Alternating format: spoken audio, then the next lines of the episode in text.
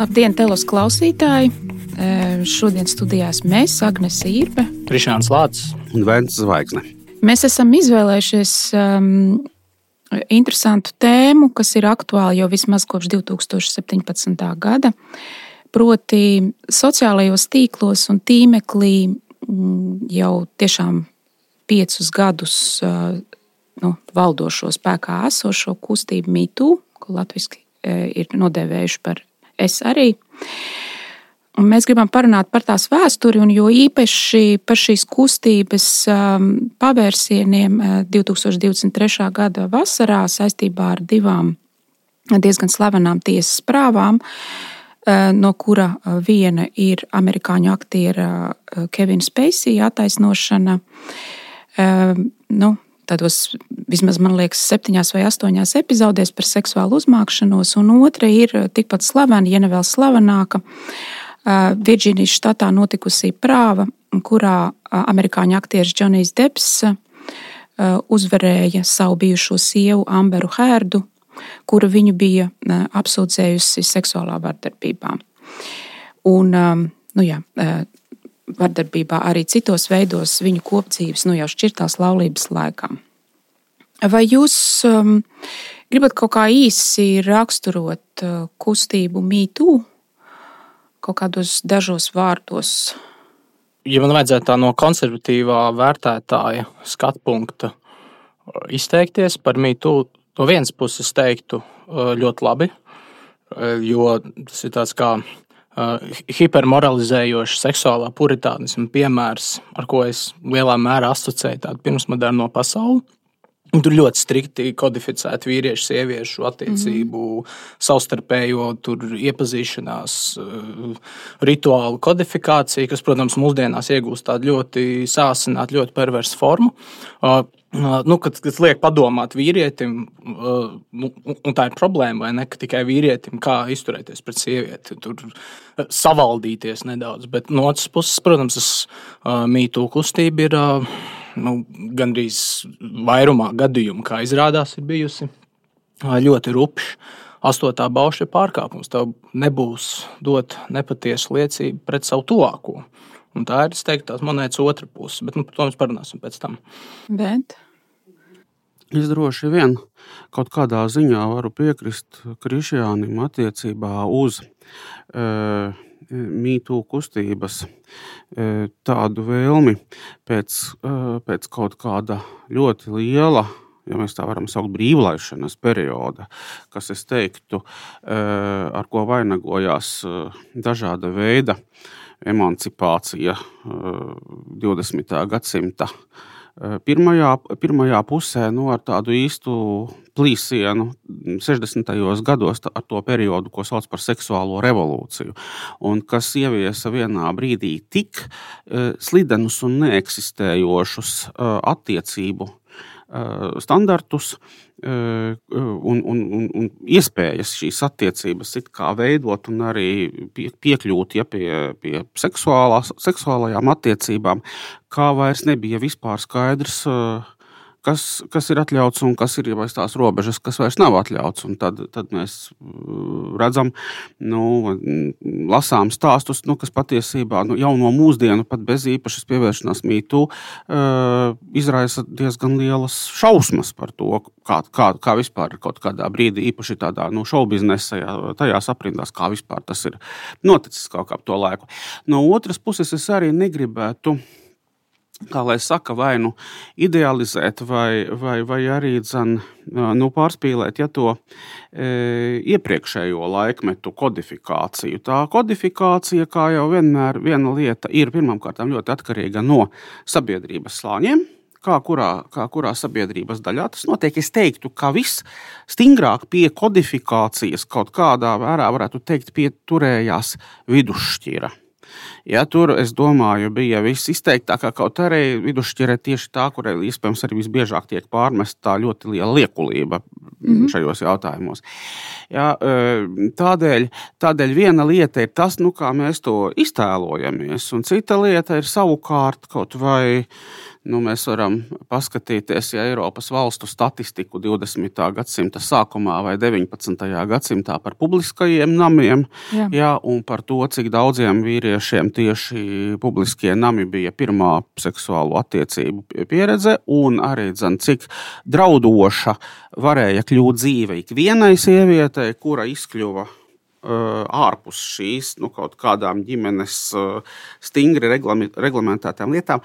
Tā otra lieta ir skaidra tāda, ka no vienas puses tā, tā ir vēlme apturēt nu, jau, jau, jau jebkuras, jebkuras normas pārsniedzošu to 60. gadu lielo brīvlēšanu, bet no otras puses mēģināt to integrēt arī dzan, pašreizējā sabiedrībā, kur ir pilnīgi skaidrs, ka sieviete ar savu statusu neatgriezīsies vairs tajā sociālajā lomā tādā veidā, kā tas bija piemēram 19. gadsimta un arī jau vidus, vidusšķirā tas es neesmu, nevaru iedomāties, ka tas kaut kādā, pat ar, par jebkādiem konservatīvajiem valdībā, ja, ka tas jebkādā veidā varētu notikt. Tas ir ievada vietā, bet varbūt ir vērts uh, iezīmēt tos tos dažus centrālos pagrieziena punktus, kas nav tikai eh, cilvēku sarunas eh, tīmekļa vietnēs, ja, vai teiksim, anonīmas liecības, kas ir, snieg, eh, kas ir bijušas sniegtas sociālajos tīklos, bet kas ir reāli tādi nu, gandrīz jau visas pasaules lī, līmeņa tiesas spriedumi un notikumi. Ja.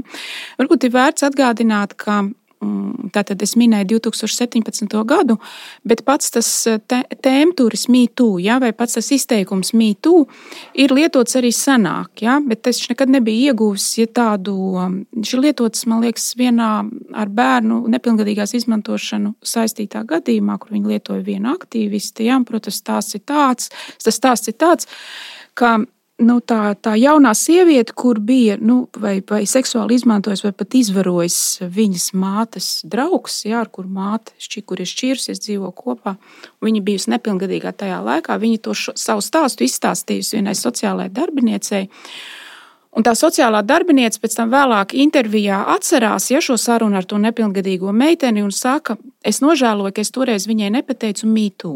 Proti, ar domu, arī es esmu tāds cilvēks, ja, kurš ir nu, pusauģu gados cietis no, no, nu, no seksuālas vardarbības ģimenē, ja, no tā, patēva. Tātad tas, tas, tas nosaukums jau bija zināmā mērā pazīstams. Ja? Bet mēs runājam tieši par sociālo tīklu un tīmekļa milzīgo kustību, ja, kur pazīst ar nosaukumu Mītu, un kurai ir nu, nedaudz cits aizsākums. Un šis aizsākums ir 2017. gada publikācija uh, ASV laikrakstā, man liekas, New York Times, kurā žurnālisti bija nu, veltījuši ļoti izvērstu rakstu Hārvija Vainsteina gadījumam un pret viņu vērstajām apsūdzībām. Harvijs Vainsteins, kur varbūt Latvijas klausītāji tik labi nezina, bet Amerikas Savienotās valstīs bija ārkārtīgi pazīstams, ļoti ietekmīgs, godalgots uh, cilvēks. Viņš ir uh, viens no lielākajiem, nozīmīgākajiem Holivudas producentiem, kurš ir ievedis Holivudas filmu pasaulē ne tikai ārvalstu režisorus, ja, kurus nereti dēvēja par art house vai mazā budžeta, ja, vai teiksim, tādiem indiju filmu režisoriem, ja, un padarīs viņus par pasaules zvaigznēm. Viņš ir arī nu, burtiski vairākiem desmitiem jaunu sieviešu un arī vīriešu aktieru bijis tas, tas, tas saķeres punkts ar Holivudas ja, lielo šovu biznesa pasauli, ja, izveidojot viņiem šo karjeru, ja, vai palīdzot veicinot viņiem ja, tos pirmos soļus uz lielo atpazīstamību, ja, lielu budžetu, ļoti ietekmīgās, godalgotās filmās. Tātad stāsts par Har Harviju Vainsteinu ir tāds, kas, kā tas bija nopublicēts 2017. gadā, ka izrādās, ka viņš ir, lai gan ir precēts ja, un bija jau tobrīd piecu bērnu tēvs. Viņš ir tas, ko var, nu, var saukt par gandrīz tādu maniakālu, ar seksualitāti apsēstu vīrieti. Uh, kuram ir tendence burtiski visas uh, sievietes, kas gadās viņa tūmā, ja, mēģināt ievilkt seksuālos sakaros.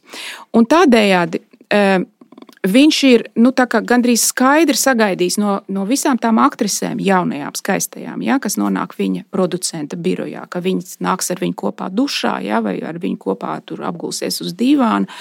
Viņš ir, kā tiek apgalvots, ne tikai uzmācies, bet arī mēģinājis izvarot visas savus asistentus un daudzās tās sievietes, kas tur ir strādājušas ja, tajā producentu birojā. Un pats sliktākais tajā visā ir, ka nu, ja tic šai, šai, šai kas šķiet arī ir patiesa, ja, tad tā 2017. gada tām publikācijām, kad par Harviju Vainsteinu šo uh, rakstura iezīmi, ja, šo būtībā kriminālo viņa ievirsi, ir visi zinājuši daudz desmit gadu. Ne tikai ir zinājuši, bet arī bijušas ierosinātas vairākas lietas, un ka tās visas ir pateicoties Harvija Vainsteina milzīgai ietekmei, ja, viņa talantam un viņa, viņa nu, teiksim, sakariem, ja, viņas ir nokušināts un nav nonākušas līdz atklātībai.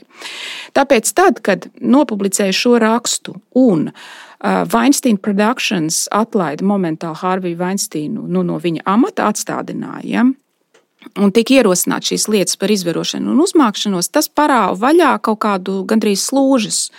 Un desmitiem, simtiem un pat tūkstošiem sieviešu, ja, ne tikai saistībā ar Vainsteinu, bet arī ar citiem cilvēkiem, kurus var saukt par ietekmīgām šobiznesa zvaigznēm, vīriešiem, nāca klajā ar nu, šīm atklāsmēm par to, kā viņas ir izmantotas, ja, vai kā, nu, kā no viņām sagaidīja seksuāls pakalpojums par kaut kādu virzīšanos uz priekšu karjerā.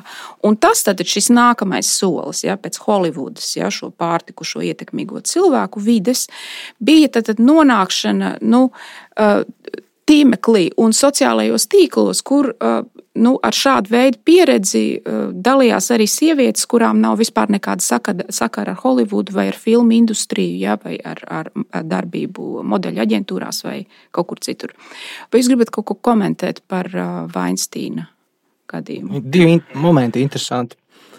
Es biju aizmirsis to chronoloģiju. Tu saki, 2017. gads, un kaut kādā ziņā tās uh, tās pakulas jau sāk gruzdēt, es teiktu, jau 2015. un 2016. gadā, jo ir grūti arī Weinsteina skandālu un vispār mītū kustību atkabināt no, no tā lielā sociālās tīklu vārīšanās, kas bija nu, visu Donalda Trumpa prezidentūras kampaņa un, un, un, un, un gal galā arī viņa ievēlēšana, kur arī bija vairāk mēģinājumu ar dažādu sieviešu apsūdzībām.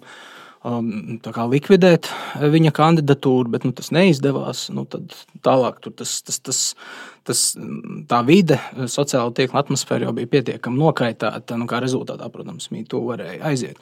Un otrs ir interesanti nu, izvēršot venta līniju par nu, socioloģisku analīzi. Tā to varētu nosaukt. Ir nu, interesanti, ir, kurā vidē, mm, kādā sociālajā vidē tas notiek. Nu, pirmkārt, tas sākas Holivudā, mākslas un radošajās aprindās.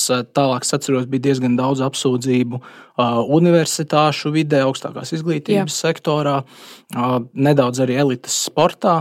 Un tad mēs redzam, ka nu, diezgan daudz elites sportā. Diezgan daudz elites Jā. sportā un mēs, atkal, nu, un mēs redzam, ka nu, mītū kustība arī ir kaut kādā ziņā.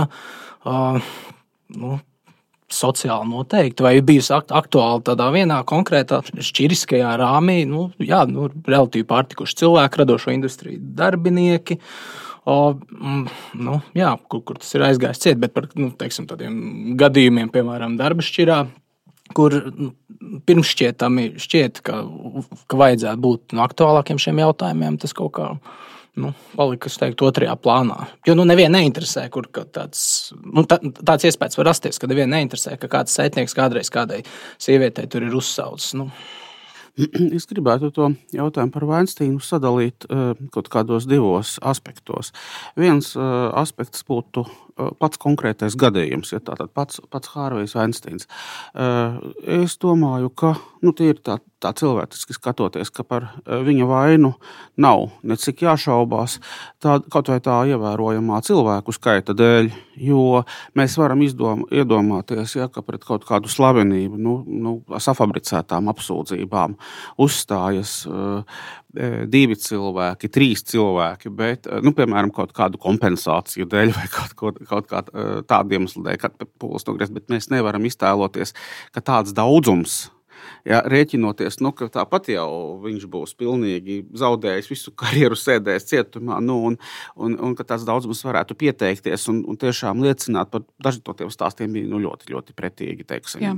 tādā ziņā, ka cilvēki varētu, ka cilvēki varētu tik lielā apmērā to darīt, nu, tas jau kļūst, kļūst neticami. Tā ka es domāju, ka Tā viena lieta, protams, ir tā, ka tā, tas pat nav nekāds noslēpums, tas pat tika uzdots, bet klausieties. Uh, Uh, nu, principā, jūs taču ļoti labi zināt, ka Weinsteins pilnīgi nekādā ziņā nav uh, vienīgais. Ja? Uh, šī, šis jautājums pirmām kārtām par šovu biznesu, īpaši par nu, vēl pirms kino parādīšanās, par teātra aprindām, pēc tam par, pēc tam par kino jau parādīšanos. Tas ir gājis līdzi visiem Eiropas un Amerikas nu, šā, šā mākslas žanra stāstiem, kā tāds blakus stāsts, kādēļ, piemēram, mātes liedza savām meitām iet, kuras gribēja kļūt par aktrisēm. Nu, tādēļ, ka tā izplatītā lieta bija tāda, ka Aktrisei pilnīgi noteikti ir jāguļ ar eh, nu, režisoru, režisoru, režisoru no to, kas tajā brīdī teātris vadītājs, teātris direktors jau sākumā bija. Tas, eh, lai, lai viņa tiktu pie lomas, lai viņa varētu to darbu strādāt, tas ir tāds, nu, tāds, tāds harēms, acīm redzot. Un patiesībā diezgan daudzi ne tikai stāsti, bet pat uh, aktrises ar, arī Latvijā, arī zināmos teātros, arī slavenības ar ārlaulības bērniem, ar bērniem, kuru, kuru, kuru tēvs visi zina un zina. Tas liecina, ka nu, šeit arī tas ir, tas ir gājis. Mums ir bijis pat viens, viens, viens ļoti slavens, klasisks režisors, gejs vēl pirms otrā pasaules kara, kurš ir veidojis harēmus ar vīriešiem. Ar, ar puišu, puišiem, mm. jā. Un tad es, piemēram, biju, biju pārsteigts, nu, ka es savā laikā lasīju, domāju, kas nu, Marisa Vētras atmiņās, tas ir par viņu grāmatā par Rīgu, bija nu, nu, tāds stāsts, ka, ka viņu ir uzaicinājis nu, šis režisors kā operas dziedātāja pie sevis, bet viņš ir kaut kā viņu strupi noraidījis, un tā tāda ļoti indīga frāze. Es viņa, nu, kā sacīt, riebīgiem aicinājumiem gan ne, nepakļāvos. Un tad es tā to, to brīdi padomāju, un tāda, un tāda gaismu metā starp citu šī, šīs publicētās, nesen publicētā Aleksandra Irbes dienas grāmatu pirmās daļas, kur konkrētās, konkrētās personas darbība bija itin nu, tā sīkāk raksturota, kā mēs saprotam, no, no, no tās otras puses. Ja, tā, tad, tā, tad, tā tad tas viss ir tā kā bijis un pastāvējis, un tur ir jautājums. Un tad, un tad protams, bija tas jautājums, labi, kāpēc jūs izvēlēties tieši Weinsteinu? Un tad tā atbilde bija, ka tajā, tajā brīdī jau nav iespējams atrast to, to labāko ceļu. Tādēļ, ka, saka, tu ziniet, ja mēs pilnīgi visus nosūdzētu, nodot, kuri tādā vai citā veidā, nu, tad tādā gadījumā mums tas bizness vispār apstātos tas ir bijis tik izplatīts fakts, kā ārkārtīgi daudzi pasaules slaveni režisori, producenti. Viņi vienkārši būtu spiesti pamest industriju.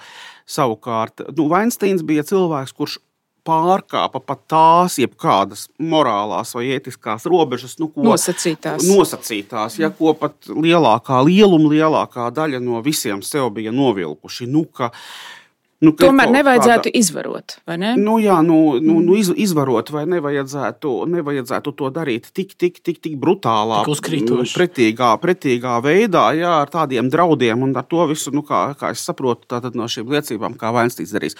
Un, protams, tas izraisa, izraisa jautājumu. Jurisprudence jau nav tāda aptuvenā zinātne tā ziņā. Jurisprudence grib riest ar nazi. Šis ir, šis nav. Otrā daļa, ko mēs vēl gribējām pievērsties, tā ir savukārt tas, kas pamatojoties uz Weinsteina gadījumu un arī uz daudziem līdzīgiem, tiek izveidots apkārt uh, masu medijos, sociālajos tīklos un sabiedriski. Un, lūk, tā ir lieta, par ko man ir jau krietni vairāk iebildumu. Proti, tā ir tā sakot, vecā patiesībā linča tiesu. Uh, ideoloģija. Jo kāda ir linča tiesas ideoloģija? Kāpēc vispār notiek linča tiesas? Linča tiesas notiek gadījumos, kad kaut kādā vietā nedarbojas pienācīgi uh, valsts vara. Tā ir vai nu ārkārtīgi korumpēta, vai tās rīcībā nav pietiekamu juridisko uh, argumentu un uh, līdzekļu. Cilvēki izjūta, tātad nu, kaut kāda ciema iedzīvotāja, kā tas viss sākās, vai, vai pilsētiņas iedzīvotāji mežonīgos rietumos, izjūta ārkārtīgu netaisnīgu, netaisnību. Un viņi saka, vienkārši sanāk, saka, ja mēs neņemsim varu savās rokās un nespriedīsim uh, tiesu paši, tad nekāds tiesnesis mums te nenāks un tos nelieti nenotiesās.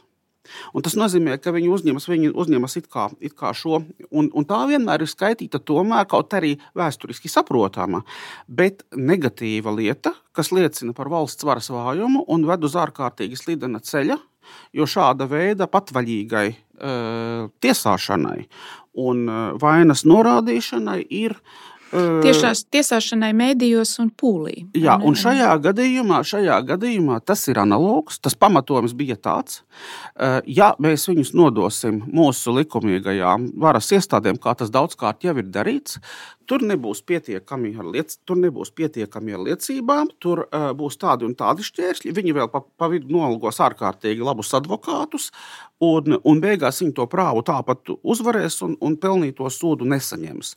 Un tas dod mums morālas tiesības izmantot savā rīcībā esošos uh, līdzekļus, lai mēs varētu veidot pret viņiem ļoti plašā sabiedrībā maksimāli negatīvu attieksmi, tā ka viņi vispār vairs uz ielas te var normāli parādīties.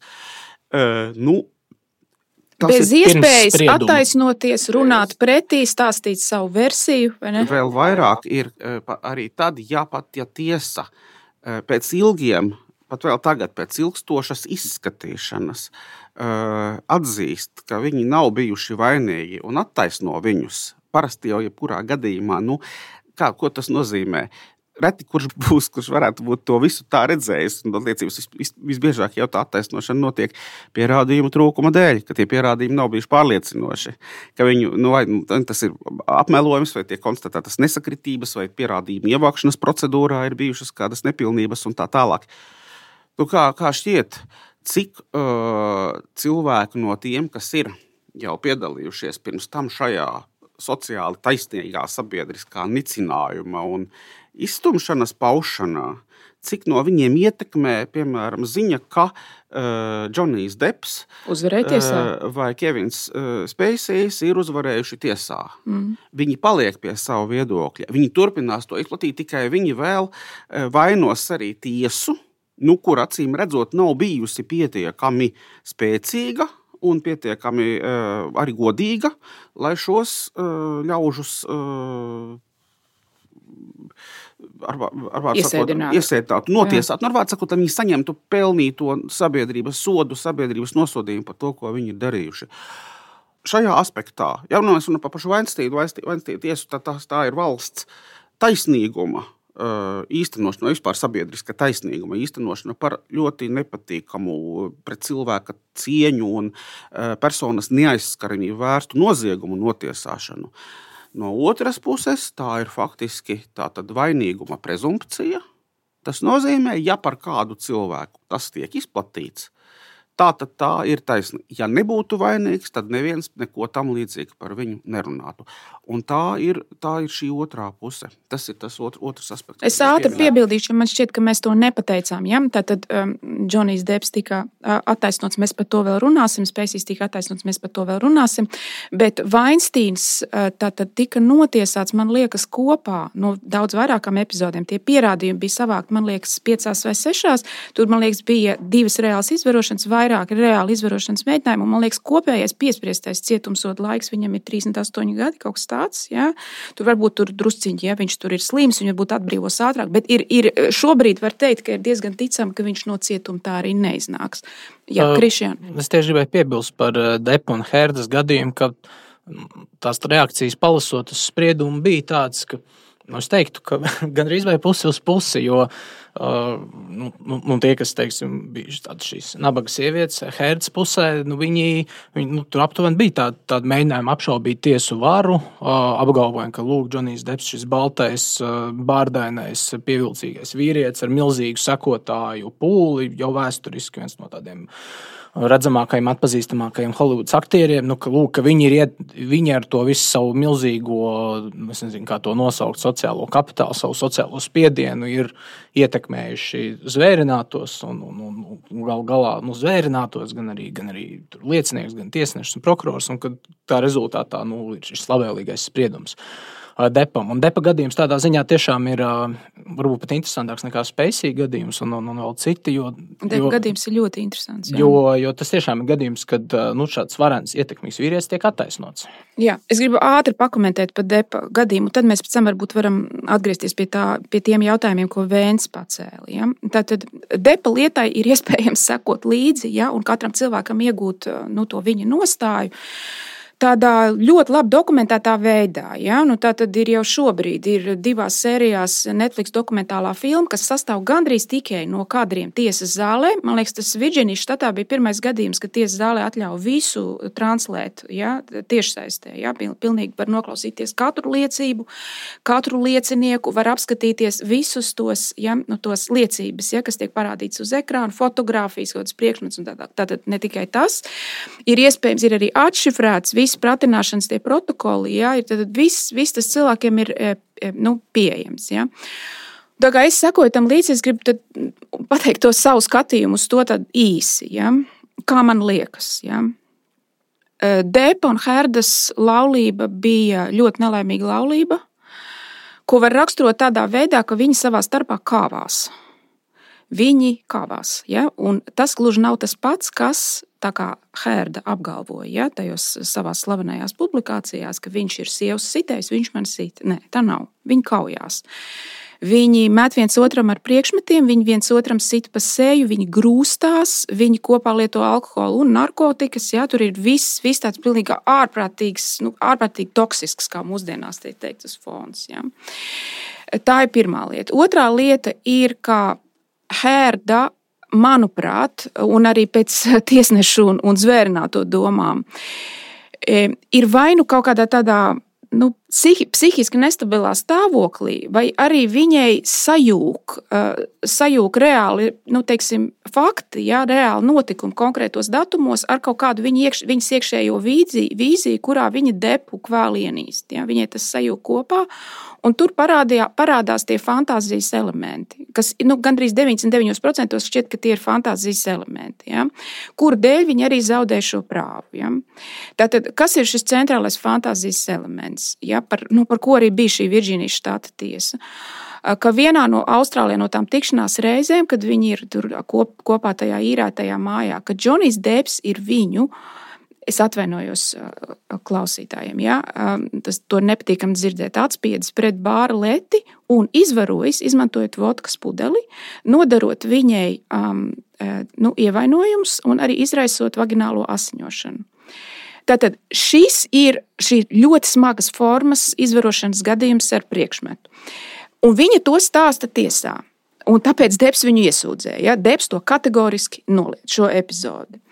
Nenoliedzot to, ka tā laulība bija vētraina un ka viņā bija kaut kāda fiziska grūstīšanās, ieskaitot trauku sišanu, ja, un varbūt arī sišanu.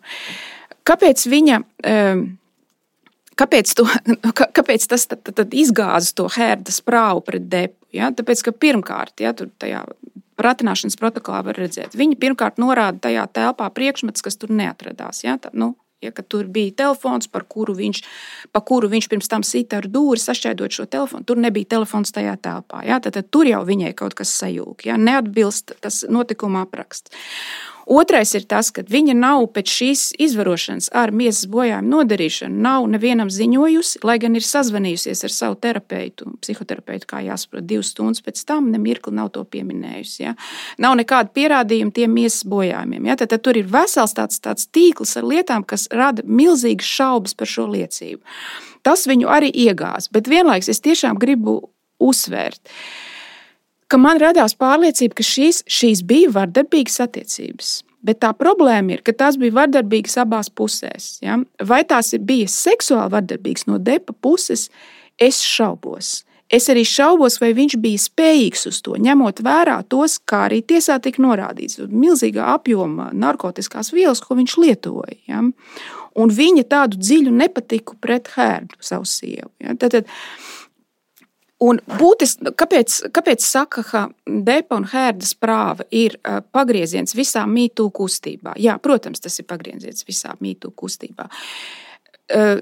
Hērda iemantoja visās, visu šo prāvu laikā nu, tādu pilnīgi milzīgu, viņi saņēma milzīgu nicinājumu, nu, pat arī naida, ja, tādu straumi un plūsmu, ja, ne tikai no vīriešiem, bet arī no sievietēm. Ja, jo ir zināms pamats uzskatīt, ka viņa un arī viņas advokāti ar to nepārliecinošo liecību ja, iedragāja to vienu no mītū kustības pamattēzēm. Ticiet sievietei, sievietes nemelo vai gandrīz nekad nemelo. Ja? Un, ja viņām tajā atstās tā kaut kas sajūta, tad tas ir tikai tāpēc, ka viņas ir traumatizētas, tāpēc viņi neatcerās, kāda tā telpa bija, bet ka principā viņām ir taisnība. Nu, tas ir Hertz gadījums, vai Jā. ne? Bet, nu, un, un, un Hertz gadījums, es teiktu, šodienas tēmai tiešām ir pat parocīgāks, jo nu, viņš ir šis tiešām tipiskais vīriešu un sievietes gadījums. Bet, piemēram, tādi citi interesanti ir nu, nu nevis kontraintuitīvie, bet robežu gadījumu, ka, piemēram, uh, nu, nu, šis geju apsūdzības geju starpā viens gejs apsūdz otru geju par uzmācību, un līdz ar to tie ne, neizpelnās tik lielu uzmanību. Lai gan spēcīgi gadījumā, nu, arī nu, tur, tur tā mediju uzmanība bija tik liela, vai, piemēram, apsūdzības. Uh, pretējā dzimuma satiksmē, otrādi pret uh, slaveno pasniedzēju. Proti, vīriešu apsūdzības pret sievietēm augstos amatos. Sievieti, piemēram, pret uh, nu, diezgan slavenu postmodernās teorijas pārstāvi Avitālu Ronnelu. Jā, pasniedzēju, pasniedzēju Ņujorkā, kuru viens students apsūdzēja par uzmākšanos. Bet mm. to, pat, pat to es pēc brīža, tas arī ļoti interesants gadījums. Un, un, un gal galā Ronnelu mēģināja attaisnot. Daudz citu viņas nozares pārstāvju, tur Žižeks, Judita Butlera rakstīja aizstāvības rakstus, kas parāda, nu, bet šie ir tie nu, robežu gadījumi. Bet, nu, spēcīgi gadījums interesants tieši ar to, ka tika konstatēts, ka tā nu, ka ne, neuzmākšanās, bet šie seksuālā kontakta gadījumi ir notikuši, bet ka tiesa tomēr bija pietiekami kompetenta savācot visas tās liecības, lai konstatētu, ka, nu, ka, jā, ka tur tomēr ir bijis kaut kāda apusē piekrišana, ka tas konteksts ir bijis tāds, kas ļauj jā. nostāties par labu, par labu spēciju. Nu, tas īsti, īsti pastāstīšu par to spēcīgu gadījumu. Tad Londonas zvērnāto tiesa trešdien, tas ir jūlija beigās, uh, attaisnoja Spēciju par seksuālu uzmākšanos pēc tam, kad šis godalgotais aktieris kā liecinieks aizstāvības lietā uh, nu, veiksmīgi, aizstāv, aiz, veiksmīgi aizstāvējās. Nu, pēc apsūdzībām Spēcijas tika izslēgts no strauji uh, pieaugušās Netflix šī seriāla House of Cards un, un daudzām citām, un, un faktiski vairākus gadus viņš bija izslēgts vispār no Holivudas dzīves. Trīs vīrieši apsūdzēja Spēciju par agresīvu aizskaršanu viņa kājstarpēs, raksturojot Spēciju kā pretīgu slidēnu čūsku plēsoņu. Ceturtais topošais aktieris apgalvoja, ka tika uzmodināts, ka Spēcīs piespiedu kārtā viņam veicis orālu seksu aktu pēc tam, kad bija aizmisis vai zaudējis samaņu Spēcī Londonas dzīvoklī, kur viņš bija devies pēc karjeras padomu un alus pie, pie Spēcī. Spēcīs aizstāvoties nenoliedza, ka, nu, ka bijis savā dzīvē liels flirtētājs, kurš ar vīriešiem nu, flirtējis pēc apusējas piekrišanas un kur un kur vienīgais kļūdainais solis bija pieskāriens kāda vīrieša cirksnim, veicot neveiklu uzmanības apliecinājumu, kā viņš to pats saka. Pro, prokurora Kristīna Agnija nosauca Spēciju par seksuālu huligānu, kurš uzmācījās jaunākiem vīriešiem. Viņa sacīja, ka, uh, ka Spēcija pasargā šī aizsardzības trijotne. Proti, viņš zināja, ka vīrieši visticamāk nesūdzēsies, un, ja sūdzēsies, viņiem netiks noticēts, un, ja viņi sūdzēsies, nekādas darbības netiks veiktas, jo Spēcijas ir šis ietekmīgais Holivudas cilvēks. Tostarp spēciem tika izvirzītas deviņas apsūdzības, vairākas apsūdzības seksuālos uzbrukumos, viena apsūdzība par piespiešanu iesaistīties penetrējošā seksuālā darbībā bez piekrišanas un tam līdzīgi. Un līdz ar to spēcīs šo Londonas lietu bija uztvērts kā iespēju izpirkt savu vainu, Uh, un, un interesanti ir tas, ka tomēr izdevās pierādīt, es pastāstīšu par to, kā izdevās pierādīt, ka daļa liecinieku uh, falsificē savas liecības. Proti, apspriedzes laikā zvērinātie lūdza tiesnesi Marku Valu apkopot kādu vīriešu liecības, kurš apgalvoja, ka aktieris braucot uz Eltona Džona svinīgo pasākumu, tik spēcīgs atvērs viņas, viņa kājstarpu, ka gandrīz nobraucis no ceļa. Uh, Rokzvaigzne un uh, nu, šī cilvēka vīrs Davids Fērnišs liecināja, izmantojot video ierakstu no Monako un sniedz laika grafiku, kas apšaubīja autovadītāju liecību. Viņa sacīja, ka Spēcīs nav apmeklējis balvu, kas saucās White Tie un Tiara balvu. Tajā gadā, kad vīrietis apgalvoja, bet bija negaidīts viesis trīs vai četrus gadus iepriekš, 2001. gadā. Un tas šis fakts bija būtisks, jo vīrietis teica, ka 2000. gada sākumā bija sācis sadarboties ar Spēciju un gadiem ilgi cietis no nevēlamas glāstīšanas. Viņš teica, ka incidents automašīnā bija pēdējais piliens, un pēc tam viņš no Rockzvaigznes, no, no Hollywoods zvaigznes izvairījās. Un, nu, un gal galā katrai, katrai no šiem gadījumiem pievēršoties, tomēr tika konstatēts, ka, nu, ka tas, tas nav līdz galam ticams. Jā, ka tas nav, nav līdz galam ticams, vai ka tas konteksts tomēr ir pieļāvis, ka Spēcīs ar šiem vīriešiem tajā brīdī ir atradies attiecībās, un, nu, un, un, un gal galā zvērinātie un tiesa piekrita. Spēcīja advokātam, nu, ka šie vīrieši pēkšņi, vairākus gadus pēc notikušā, ir ielikuši mītu vilcienā, cerībā iegūt kaut kādu finansiālu labumu. Jo tas bija arī Spēcīja pretapgalvojums un jā. arī Spēcīja advokāta pretapgalvojums. Un, jā, nicam, ka tiesas darbojās. Es uh, drīkstu atgriezties, Jā. paldies, Krišāna, bet drīkstu atgriezties pie Džonija Depa Jā. gadījuma. Man šķita, tur kaut kādas lietas palika, palika nepateiktas. Džonija Depa, Džonija Depa gadījums tiešām no, no vairākiem aspektiem šķita e, interesants. E, gan tāpēc, tā, tā iemesla dēļ, ko jau Agnese pieminēja, ko, e, ko darīt vai vispār kā raudzīties uz gadījumu, kad ir runa nevis nu, klasiskā nozīmē par uh, upuri un uzbrucēju, bet kad ir runa par uh, diviem cilvēkiem, ja, kas savstarpēji atrodas destruktīvās, Jā. agresīvās attiecībās, un kāds no viņiem ik pa laikam pārkāpj robežas. Ja? Būtu pilnīgi skaidrs, ka šādu attiecību risināšana caur uh, izvarošanu ja, ir jebkurā gadījumā krimināls pārkāpumus neatkarīgi no tā, kāds ir šo attiecību raksturs, kaut vai viņi ir kāpušies pirms tam iepriekš, vai kas tādēļ, ka tur, tur tiek pāriets uz kaut kādu jaunu, jaunu, jaunu līmeni. Bet kā nošķirt tos gadījumus, kad uh, realitātē tā tad ir notikusi nu, savstarpēja kaušanās un aizstāvēšanās, turklāt vēl arī ne tāda, kur īpaši būtu izpaudies, piemēram, vīrieša pārākums, dažkārt ir pat otrādi, ja, tas, kurš mēs pat Latvijā zinām gadījumus, ka tas, kurš ir cietis tos miesas bojājumus, galu galā vīrietis, un tāpēc tam viņš vēl papildus cieši tādēļ, ka visi viņu izsmēja. Mm -hmm. Tā it kā, tā it kā vīrieša tātad šis pienākums būtu šādos, šādos kautiņos, vienmēr būt atkal, ja tātad viņš ir tieši starp citu darījis to, ko liek darīt. Viņš ir, nu, nepret, nepre, nav pret to. Tu domā to slavenu, bēdīgi slaveno gadījumu par sišanu ar rabarberiem? Vai... Tas ir viens, kas jā. man ienāca prātā, bet es, es, es vēl zinu, es vēl zinu stāstus, jā. Un šā, šāds cilvēks izpelnās nevis kaut kādu tādu klusu atzinību, ka mm -hmm. viņš ir tomēr uh, nav piekāpis sievu. Nav, jā. Jā, nav, nav, nav, nav, nav pakļāvies kaut kādai provokācijai, uh, nodarīt fiziski pāri. Eh, sieviete, ar ko viņam ir sliktas attiecības, objektīvi tajā brīdī. Bet kad, eh, bet kad viņš patiesībā, un ne tikai nu, citi vīrieši, bet arī, arī daudzas sievietes, ieskaitot tās, kuras citkārt stingri nu, stāv mītū eh, aizstāvības pozīcijās, jā, nu, nu ņirgājas, nu, kas, kas viņš vispār vietu, jūs ko gribējāt, lai, lai būtu. Bet tas tā būtu, tā būtu viena lieta. Tas ir jautājums, ko kā tādos, kā tādos gadījumos raudzīties. Un, protams, jā, tur ir tā, tā, piemēram, seksuālā vardarbība, ja tajā ziņā ir kaut kāda sarkanā līnija, bet ir lieta tāda, ka šeit patiešām tur var ļoti viegli nonākt līdz tai e, nu, situācijai, kā notiek jau tūlīt uz vietas notiek apmelošana. Vienkārši tādēļ, ka vēlme uzvarēt un gūt pārsvaru ir tik liela. Nu, pieņemsim, es pilnīgi reāli, gandrīz vai no savas tuvās apkārtnes varu minēt situāciju, ja, kad, eh, kad ģimenē notiek skandāls, ģimenē notiek uh, kautiņš. Uh, Augstāva kaimiņi piezvana policijai, uh, policija atbrauc, Ja, un, un, un, un sieviete pa slēgtām durvīm. Viņa nu, prasa, lai atslēdz. Nē, viņš man nelaiž ārā, viņš man neļauj izkļūt ārā. Sieviete kliedz, ja viņš mani, viņš man izvaroja. Mm. Tā, iespējams, ka tā ir patiesība. Ja tā, ja tā ir patiesība, tad tādā gadījumā ir skaidrs, ka tur patiesībā ir jālauž, jālauž durvis, tur ir viss, viss cits jādara. Bet vai kā šajos gadījumos, kā šajos gadījumos var pierādīt, nu, nu ir, kas ir tas nepieciešamais, jā, lai pierādītu vainu? Vai tas vienmēr notiek? Protams, tur ir līdzekļi, bet vai tas vienmēr notiek pilnīgi, pilnīgi adekvāti?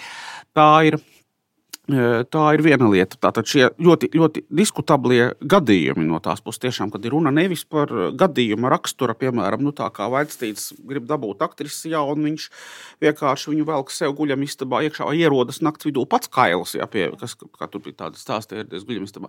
Cita lieta ir, ka cilvēki atrodas ilgstošās attiecībās. Tās ir iespējams viņu pašu apusējas, vainas arī dzīvesveida dēļ ir, ir, ir ļoti, ļoti pasliktinājušās un kļuvušas ļoti destruktīvas. Un tagad ir situācija, situācija tāda, ka vienam no viņiem nu, tiek patiesībā viena lieta ir tā, ka tur ir tiesāšanās un visi tie tiesdarbi. Otra lieta ir par karjeras sagrāvi. Mēs skatīsimies. Izskatās, ka neatkarīgi ne no, kādām, no kādas attaisnošanas Kevina Spēcina karjera ir beigusies. Nu, vai tas pats ir arī nu, tā, vismaz tie apskatnieki, Holivudas apskatnieki spriež, ja, neatjaunosies nekas īsti tā, e, kā bija.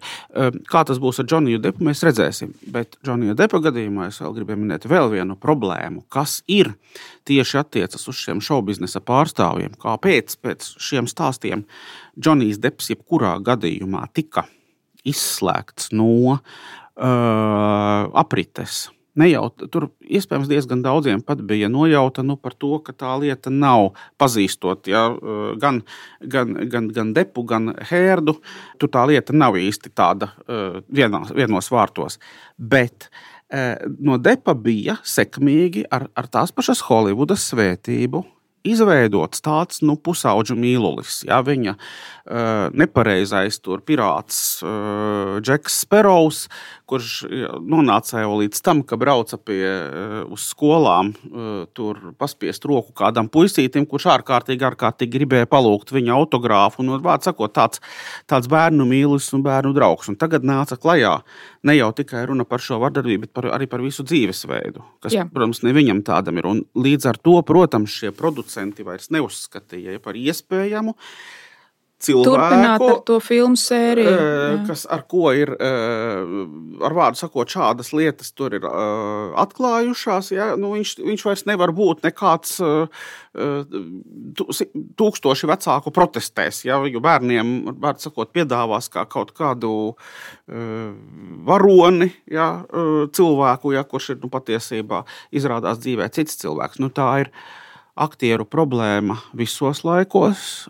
Mums nereti ir zināmi gadījumi, kad ārkārtīga nelieša briesmoņa, pat, pat kā savu amplitūdu lomas, tēlo cilvēks, kurš ikdienas zīmē ir vienkārši priekšzīmīgs un brīnišķīgs cilvēks, un gadījumi, kad visu Eh, izslavēts un veselas tur mm, meiteņu paudzes apjūsmots vīriešu kārtas elks, tad, kad uzzina viņa biogrāfiju, nu, viņš izrādās ārkārtīgs nelietis. Tā ir profesijas problēma, kas prasītu nu, no cilvēkiem šo spēju nošķirt cilvēku no viņa atveidotā tēla, nu, jebkuras, jebkuras mākslas lieta. Un tad ir jautājums, tā kā, tā kā to va, tādā veidā var sagraut karjeras ārkārtīgi daudziem cilvēkiem, nu, un arī nu, atņemt šo iespēju.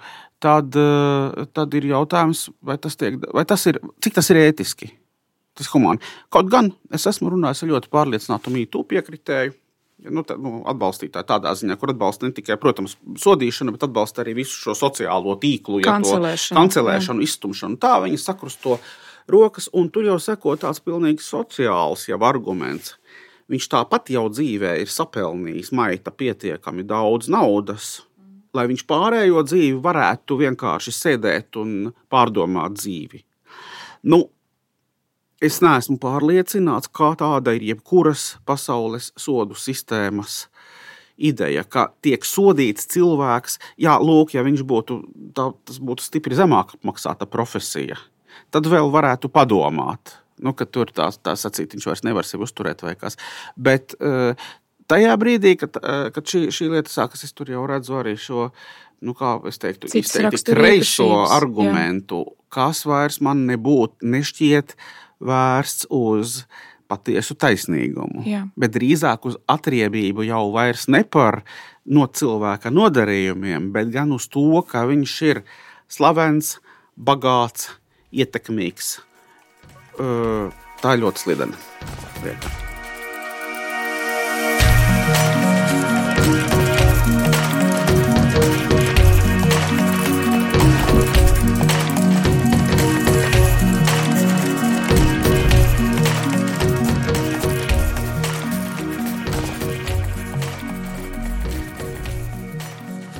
Divtūkstoš divdesmit otrā gadā nu, man ļoti patika. Jā, arī nu, varbūt tās balvas tajā filmai nebija tik daudz. Viņa, diemžēl, arī neatnāca līdz, Latvijā, līdz Latvijai. Toda Filca, man liekas, brītu režisora filma Tāra ar Keitu Planšetu galvenajā lomā, kas principā ir par atcelšanas fenomenu. Un to filmu visiem var rekomendēt, jo viņi nu, arī izsauc ļoti dažādas tās reakcijas. Ja? Tas tādā ziņā ir tāds, tāds labi nopulēts mākslas darbs, ja? tas ļoti sabalansēts ja? tajos dažādajos skatījumos. Bet es skatoties to filmu un arī gatavojoties šai sarunai, domāju par to, ka mēs redzam arī. Um, nu, caur to mītu kustību, ja, mēs redzam arī paudzes nomaiņu. Un paudzes nomaiņai ir nu, savas labās un savas sliktās nu, puses. Ja. Nu, teiksim, Šajā filmā par tāru, ja, kas ir fiktīvs varonis, bet tikpat labi tur varētu būt Kevins Spēcīs, tur varētu būt Džonijs Debs, tur varētu būt vēl kāds cilvēks. Ja. Nu, tas ir nu, tas ir viennozīmīgi ārkārtīgi e, talantīgs cilvēks, kuram ir nu, teiksim, ļoti liels tas devums. Ja, šajā filmā ir runa par Berlīnas Filharmoniskā orķestra diriģenti, ja, arī, kas ir arī komponisti, ja, kurai nu, tas tiek uzsvērts, viņas virtuozitāte, viņa, virtuozitāte, viņas ieguldījums, viņas ieraksts. Tas viss ir tādā neticamā augstā līmenī, ja, ko var sasniegt tikai gadu desmitiem ar smagu darbu ja, un arī ar cīņu par izdzīvošanu šajā vidē.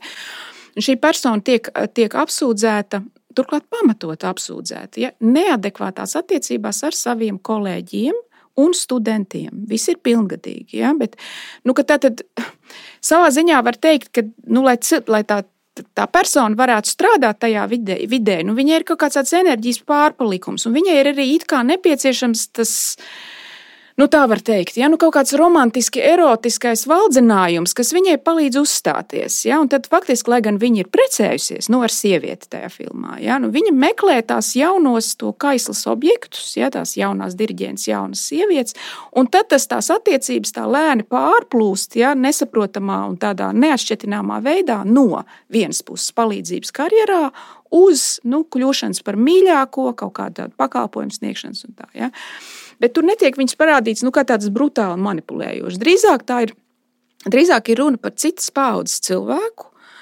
kurš vienmēr ir dzīvojis tādā vidē, kur ir ticis uzskatīts normāli, par normālu, ka radošajiem cilvēkiem, un ne tikai radošajiem, bet arī šādus augstus amats ieņemošiem cilvēkiem, viņiem apkārt ir nu, tāds gandrīz to fanu pielūdzēju pūlis, ar, no kuriem viņi savukārt, ja vēlas, var izvēlēties sev gan mīļākos, gan dzīves biedrus uz īsāku laiku, uz ilgāku laiku. Un nemirkli nav ticis uzskatīts, ka šī ir no šo ietekmīgo slaveno cilvēku puses, ja tāda manipulatīva izmantošana, kā spēka demonstrācija vai kaut kas tamlīdzīgs. Ja. Un filmā ir redzams, kā šis viss šis vecais modelis, ja, kas ir 80. un 90. gadu modelis, nu, kā viņš pilnīgi tiek sabrūk. Ja, sabrūk nu, tā persona tiek absolūti nokancelēta. Viņa pazaudē visus līgumus ar ierakstu studijām, visas darba vietas, pasniedzējas, visas balvas. Tiek, pilnīgi viss. Viņa principā vairs nevar dzīvot Eiropā, ja, pārvācās dzīvot uz Āziju un mēģina tur darīt tādus gabalu darbus. Ja? Tā, nu, to, to ir diezgan šausmīgi redzēt. Bet vēl tas būtiskais tajā ir, ko nozīmē paudžu nomaiņas tā negatīvā puse. Ja? Nāk tie jaunie, un viņiem trūks spēja novērtēt to radošo devumu tajā. Ja? Kā to arī Venta minēja, ja? nu, teiksim, nokancelējot spēcīgu, ja? un faktiski iznīcinot viņu karjeru. Mēs pazaudējam arī jaunās filmas no viena no labākajiem aktieriem, ja? Ar kuru mēs esam uzauguši un dzīvojuši. Ja? Nu, tas, ja? Un šajā gadījumā tiek pazaudēta, kā, pazaudēta, kā tiek uzskatīts. Ja? Viena no labākajām Eiropas diriģentēm, ja, Mālera tieši diriģenti. Ja, un tas īsti vairs nav arguments. Lai gan, manuprāt, tas, tas, tas loģiskais, taisnīgais ceļš būtu, labi, ir apsūdzības, labi, šis cilvēks tiek tiesāts. Ja, labi, viņš varbūt arī tiks notiesāts, un varbūt pieņemsim, ja sēdēs dažus gadus cietumā. Bet ka viņa tā karjera netiek atcelta, jo tā ir viņa profesija, ja, ka šīs lietas tiek skaidri nodalītas. Un, manuprāt, Mītū ar visu to, to kancelēšanas deksmi ja, pat daudz vairāk koncentrējās uz to sociālo kancelēšanu. Ja, panākt, lai cilvēks zaudē darbu, panākt, lai cilvēks ar viņu neviens neslēdz līgumu, panākt, lai viņu nekur neaicina, ja ne uz kādām debatēm, nekur. Vairāk uz to nekā uz to nu, teiksim, lietas nokārtošanu caur tiesu. Man šķiet labi, ka tu pievērsies tieši paudžu atšķirības tēmai, jo Nu, man šķiet, ka es, nu, es varbūt neesmu tik jauns, bet es tomēr pārstāvu šo jauno, radikālo, dusmīgo paudzi iepratī nu, teiksim, jūsu abu Ventu un, un, un Agnēs paudzē, un varbūt vēl vecākai paudzē, kuriem labi, jums varbūt 70, 80 ne tik ļoti, bet nu, kur, nu, no manas skatu punkta tāds no 80. gadu, varbūt arī 90. gada tas postmodernisms, tas plurālisms, tas brīvums, ne tikai Latvijā, bet arī rietumos, tomēr šķiet nu, nedaudz pat raku, nedaudz tāds. Nedaudz relativistisks. Jo, ja, piemēram, mēs skatāmies, nu, tas bija skaidri nojaušams Douglas Marija grāmatas pūļa neprāts ievadā, kur viņš arī iezīmē, ka ir notikusi viņa prāta, viņa dzīves laikā, tīpaši pēdējos 10, 15 gados, pārvirze no tā iepriekšējā kultūras un arī paudzes formācijas, ko nu, varētu nu, nosaukt vienkārši par postmodernismu, nu, kur tiešām viss ir iespējams, dažādi varianti, tāda klasiskā liberālisma, dažādu viedokļu apmaiņa un diskutēšana un, un, un, un, un, un interesantums vispār kā svarīga kategorija, ko tagad nomainījuši šī jaunā nu, volkisma, sociālās atjēdzības paudzes radikālā dedzība pārveidot pasauli, tāds dogmatisms. Un Daglasam arī nepatīk tas nu, jaunās kustības dogmatisms, bet man patīk dogmatisms. Vienīgais, uh, man ne šis. Ne šis, jā, jo nu, es, piemēram, to pašu tā, tā es neesmu redzējis filmu, bet, piemēram, Spacīs atceltu, jeb kancelētu, nu, ne jau tāpēc, ka viņš kādam ir uzmācies, bet tāpēc, ka viņš ir gejs. Oho. vai, vai kādu vēl, vēl gadījumu. Vai, nezinu. Viņš iespējams nemaz nav gejs. Viņš drīzāk ir jā. dzīvojis biseksuāli. Dzīvi. Nu, jā, nu, vienalga. Paga, bet tu nenošķir, tu nenošķir Kevinu Spēcī kā aktieri un viņa sniegumu no viņa to, ko mēs tikai tagad, mēs savu mūžu nebija, es neko nezināju, man arī neinteresēja, ja? nu, viņa privāto dzīvi un tās izvēlē. Nē, es sāku pievērst uzmanību viņa privātās dzīves e, saistībai un izpausmei, viņa mākslinieckā darbībai. Jo tomēr mākslinieckai darbībai, tiem kultūras produktiem ir lielāka loma, lielāka ietekme uz masām, uz sabiedrību. Tad es vērtētu, nu, vai teiksim, kādā no Kevina Spacey filmām, kurās viņš piedalījies, vai tur nav e, notikusi ietekme uz sabiedrības degradāciju ar šo ietekmīgo Holivudas mēdīju. Es, piemēram, atbalstu publisku kaunināšanu un, un, un atcelšanu vienkārši tikai konservatīvo vērtību, konservatīvo ideālu vai nezinu, vai eh, puritānisks kristietības vārdā. Es, es to atbalstītu. Es, kra, es to tieši pretēji krasi nošķirtu. Spēcīgi kā aktieri, vai kāda, vai kāda filozofa, vai, vai, vai vienalga. Ja? Nu, jā, jebkura radoša cilvēka tiesības nošķirt viņa radošo veikumu no privātās dzīves izvēlēm. Un kas var ietvert ne tikai kaut kādas tavuprāt, ja, seksuāli nepieņemamas lietas, bet arī, piemēram, to pašu narkotiku lietošanu vai kaut ko tamlīdzīgu. Jā, nu, es spēju uzklausīt, jā, šo, šo radikālo viedokli tikai, protams, tas uzreiz iezīmētu jautājumus par to, cik lielu Mēs vispār ja zinām, nu, ka cilvēki, lai arī viņi uz to tiektos un, un, un gribētu, ja nav sevišķi labi integrētas būtnes, ka cilvēkos nav tā, ka, piemēram, brīnišķīgs pavārs Eh, vienlaikus ir arī eh, teicams un likumīgs eh, ģimenes tēvs, ja, vai ka izcils kāda cita darba darītājs, vienlaikus nav absolūti neciešams sadzīvē, kauslīgs. Ja, un, un dažkārt arī un mēs varam piedzīvot arī, jā, kā, ka cilvēks, kas ir nu, atkal, atkal kaut ko citu spēja izdarīt, ja, ir vienkārši pilnīgi ļaunprātīgs un, un kaut kādā nozīmē, nu, mm, ar vārdu sakot, viņš izraisa, izraisa nepati, nepatiku. Un tad, ja visiem cilvēkiem mēs sāktu prasīt ja šo integrētību, piemēram, es pirkšu uh, pagatavotu grābekli no tā cilvēka tikai, kurš uh, vienlaikus ir, nav arī dzērājis. Teiksim, ja, tāpēc, ka, ja viņš ir dzērājis, tad neskatoties uz to, ka visi viņa grābekļus uzteic un, uh, un, un, un ar tiem ir ļoti ērti un viegli un labi strādāt, viņš vienalga tur kaut kādā brīdī var ielicis būt nu, to savu uh, vājību, ja, to savu netikumību. Uh, es, protams, ņemot vērā, ka šo, šo vispār es raugos nu, uz tādu krāsu sabiezinājumu, es kā paņēmu nu, tādu krāsu sabiezinājumu no otra gala, jo mēs varētu, protams, izšķirt un teikt, labi, labi, labi. Viena lieta ir kā kalējs, ja, vai, vai, vai grābekļu meistars, vai vēl kāda cita darba darītājs. Tas ir tomēr nu, tāda, tāda lieta, ja, kur, kur tā cilvēka morāli uz sabiedrību tik lielu iespēju neatstāja, bet cita lieta ir uh, rakstnieks, dzinieks, filozofs, pasniedzējs. Uh, nu, tie cilvēki, ja, kas ir nu, populāri, kas ir sabiedrības, sabiedrības priekšā, kuri dar, kuru darbi uh, iespaido cilvēkus, iespaido emocionāli, iespaido, iespaido citādi. Nu, tad es iedomājos, tad ir patiesībā labi nezināt dažādu pagātnes dižgaru biogrāfijas, jo nu, tādu ideālus gadījumus mēs varēsim atrast burtiski uz pirkstiem skaitāmus. Jā, būs... Vai varbūt pat gandrīz nevienu. Nu, kādus pāris vienmēr Jā. tādus, kurus mēs kā etalonu izvirzām. Parasti jau cilvēkiem redz, tā, tā superideālā lieta nekad jau īsti nedarbojas. Tādēļ vienmēr tiek atrasts kāds, kuram nu, ir bijis tas tā daudz maz līdzsvaroti, kuram nav neviena vismaz ārpus visām robežām izējoša kaut kāda nu, nu, tāda nepie, nepieņemamas lietas.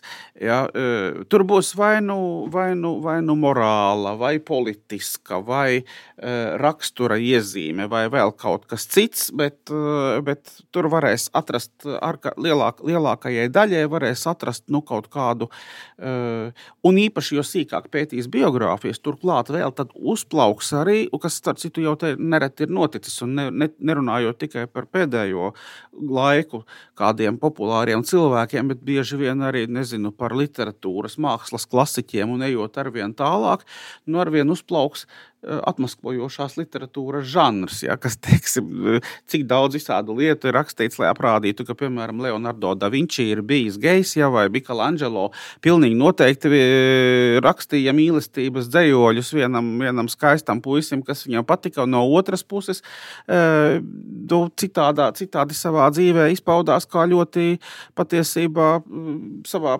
privātajā dzīvē atturīgs cilvēks. Lai neteiktu asketisks. Lai neteiktu asketisks, jā. jā. Bet mans tas iebildums, Krišjān, būtu būt vēl daudz dziļāks, jā, jo man liekas, ka šī te um, kancelēšanas kultūras tāda ļoti dzelteni iekrāsotā prūriens, saka angliski, ja, tā, tāda niezošā interese par it kā to lielo, it kā to lielo talantu vai dižo aktieru vai režisoru, ja, vai rakstnieku par filozofu privātajām dzīvēm viņa vēl vairāk kavē to, ko mēs eh, vēlamies, lai cilvēki eh, saprastu un novērtētu. Ja? Nu, piemēram, to, nu, ka intelektuāls darbs diezgan grūts. Eh, būt par labu Šekspīra aktieri ir ļoti grūti, būt par Šekspīru ir ļoti grūti, ja? tas prasa cilvēku spēju koncentrēšanu. Un tad, kad šie cilvēki koncentrē šīs spējas, kā Šekspīrs uz savām lugām, ja, ir gandrīz nenovēršami, ka kaut kas cits viņa dzīvē ir nesabalansēts un paliek novārtā. Ja. Un tas, un, un, un man patīk šī pieeja. Man šī, šī pieeja, ja, man tas ir ļoti kaitinājis un vienmēr gribējies kaut kā tam runāt pretī. Ja. Teiksim, var atgādināt kaut kādas dažas sarunas. Ja. Pat, pat ar vienu filozofu ja, Latvijā, nu, vai kas sev sauc par filozofu. Ja ka tu piemini sarunā Elizabeti Enskomu, 20. gadsimta ievēroja, vienu no ievērojamākajām britu filozofēm, un cits starpā aiziet runa par to, jā, viņai bija septiņi bērni. Tas otrs cilvēks uzreiz saka, jā, bet viņš zina, viņi tur nerūpējās par tiem bērniem. Viņi tur, nu, jā, tad uzreiz ir šis sievietei filozofei, jā, vairāk nozīmīgi grāmatu autori, nāk klāt uzreiz tas tā, tā dzeltenais, tas tā iekrāsošana, nu tā drusku, jā, ka viņa bija slikta māte, vai ne? Viņa bija slikta māte, jā. Vai Vitgensteins tur bija tāds un tāds, jā, un tā mēs varam katram. Un tas nu, tas, tur ir tā, tā tā paudžu nomaiņas tā problēma, ja, ka tiem jaunajiem cilvēkiem ir ļoti maz, viņi nav īsti saskārušies no tādiem tiešām dižiem darbiem, ja, no rietumu kanona.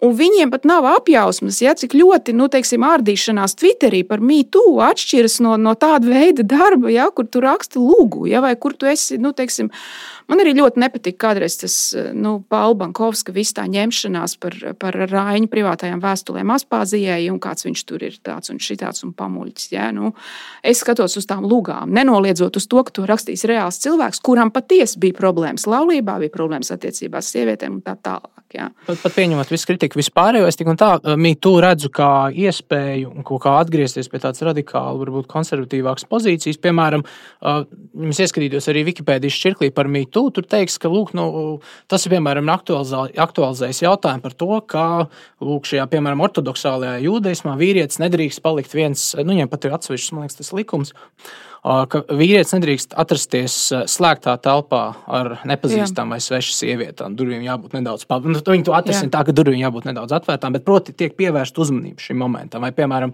arī amerikāņu konservatīvu evaņģēlikāļu vidū populārais Billija Grēma likums, ko arī, piemēram, Maiks Pence, bijušais Trumpa viceprezidents, arī ievēro. Nu, ka, ka, ka vīrietim ir jāizvairās pavadīt laiku vienatnē ar sievietēm, ar kurām viņi nav precējušies. Un tad, piemēram, es pats biju pārsteigts pārbaudot, saskaņā ar laikrakstu New York Times.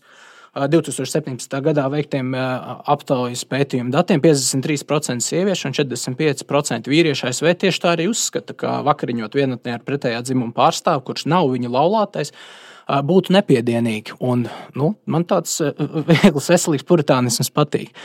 Tas gan neko nepasaka par to, ka vajadzētu spēcīgi kancelēt tikai tāpēc, ka viņš ir gejs. Jā, jā, tā, tā, Tas neko tā, nepasaka par to. Jā, jā, jā, jā. bet nu, vienkārši, ka mītū kustība ļauj padomāt par to, kā, nu, jā, ka, ka vajag veselīgāk un kaut kā savaldīgāk izturēties sieviešu vai pretējā dzimuma klātbūtnē. Tas būtu viens.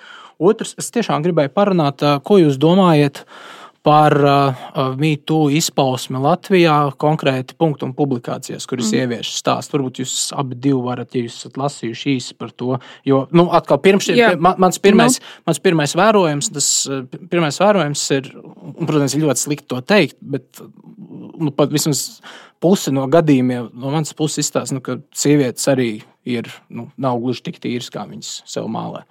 Vēntu varbūt grib izteikties par punktu sēriju. E, jā. Es, es, es, es jau biju gatavs patiesībā par to pateikt, pateikt eh, kādus, eh, kādus teikumus par to, jebkurā gadījumā, tādēļ, ka es ar to gribēju, nu, tā sacīt, nopaļot un noslēgt savu, savu to domu, tās kopsavilkumu veikt, un tas skartu arī punktu eh, to publikāciju. Tā tad, ka es vēl ar vienu redzu šajā, arī pēc tā visu, ko mēs izrunājām šeit par slavenajiem Holivudas aktieriem, vēl daudz ko mēs, ko mēs neskārām, tad redzu šīs divas puses mītū. Ir ļoti labais, ļoti pozitīvais ieguvums, ko es uh, varbūt negribētu līdzīgi Krišjānam saukt, ka tā būtu kaut kāda tāda uh, puritānisma morāles uh, atgriešanās, jo tajā es redzu ļoti daudzus trūkumus, kas patiesībā ir bijuši uh, pamatā arī tam, kas notika vēl, vēlāk, jā, un arī uh, teiksim, visā tajā 60. gadu seksuālajā revolūcijā. Uh, Tas jau būtu tiešām cita, citas tēmas stāsts. Bet es redzu to pozitīvo tādā tajā, ka pirmkārt, lai vai kā ar kādiem pārspīlējumiem, bet jebkurā gadījumā kā norma tika uh, ieviests uh, apstākļis, ka uh, pat ja pierādījumi būs pret vismaz sieviešu sūdzības, nav jānoraida pašā saknē, bet kaut kādā mērā vismaz ir jāsāk ar noticēšanu. Viņām nevis ir jāatrod nu, kaut kādi uh, uzreiz jau šie šķēršļi, piedodiet, bet jūs bijat ar viņu kopā vienā, vienā dzīvoklī. Nu, tad ko jūs gribat? Eh, tas bija, tas bija teiksim, iegans, ar ko senākos laikos ļoti viegli vienkārši neuzsāka lietu. Ja viņa sieviete aizgāja, sūdzējās, ka viņa izvarota, ah, jūs pa ielu gājāt, jums uzbruka. Nē, no kā nu, mēs bijām vakarā restorānā, ja, un, un tad es aizgāju pie viņa uz dzīvokli, un, un tā, un tad viņš sāk uzmākties. Es teicu, ka negribu jau, tad viņš man izvaroja. Nu, bet, cienītā, jūs esat pati ar vārdu sakot, tur to punkts A, punkts B, punkts C. Jūs esat to izdarījis, un ko jūs gribat? Ja? Ejiet, ejiet mājās un pārdomājiet savu dzīvi. Nu, jā, e, viena lieta ir par citām tēmām, bet otra lieta ir nu, šis principiālais jautājums, ka ir kaut kādas cilvēka neaizskaramības robežas, kuras ir spēkā jebkurā situācijā. Faktiski. Tas, tā ir viena lieta, ka, ka uz to tagad skatās daudz nopietnāk. Daudz nopietnāk līdz ar to skatās arī uz izmeklēšanu, uz uh, pierādījumu vākšanu. Uh, tas nozīmē, ka tiešām daudzi tādi gadījumi, kuri būtu pelnījuši tikt kuri ir sagandējuši cilvēku dzīves, un kuri savā laikā būtu pelnījuši tikt izmeklēti un iegūt taisnīgumu, bet tas nav noticis, ka tagad būs iespēja to izdarīt. Tā ir tā labā lieta. Tā sliktā lieta, no kuras es uh, ceru, tomēr nākotnē centīsies šāda veida, un ar ko, piemēram, ir saistīta arī punktu un publikācija, Sērija, publikācijas sērija. Publikā, publikāciju sērija tieši tā, no kā centīsies uh, atbrīvoties, ir uh, šī uh, jaunā veida uh, linčošanas iespēja ko it kā pamatojoties ar to, ka citādā veidā jau tas taisnīgums netiks sasniegts, mums sabiedrība ir jāpauž sava nostāja, lai vispār kādi, kādas tiesības sargājošās iestādes kaut ko darītu un lai kāda cilvēka kaut kas, kaut kas notiktu. Ja tādēļ mums ir jāceļ par šo uh, lielais, lielais troksnis un, un, un tā tālāk. Tas bieži vien pārvēršas par vainīguma prezumpciju. Jebkurš cilvēks, ja par ko tiek kaut kādā veidā. Kaut kas tāds nopublicēts. Nopublicēts, jā, tas uzreiz iz, izpelnās tālākas sekas. Un man šķiet, jā, punktu un publikācijas pat nekautrējos to teikt, jo es arī to vien, savu laiku vienā vēstulē punktu redaktorai aizrakstīju. Manuprāt, bija nu, lielisks piemērs tam, kā nevajag darīt. Jo tā, ņemot vērā, ka tā pat neizmantoja cilvēku īstos vārdus un uzvārdus, bet apmierinājās ar iniciāļiem, Bet viegli atpazīstamiem. Tā, tur, tur, tur ir tā lieta, bet iniciāļi ir iniciāļi.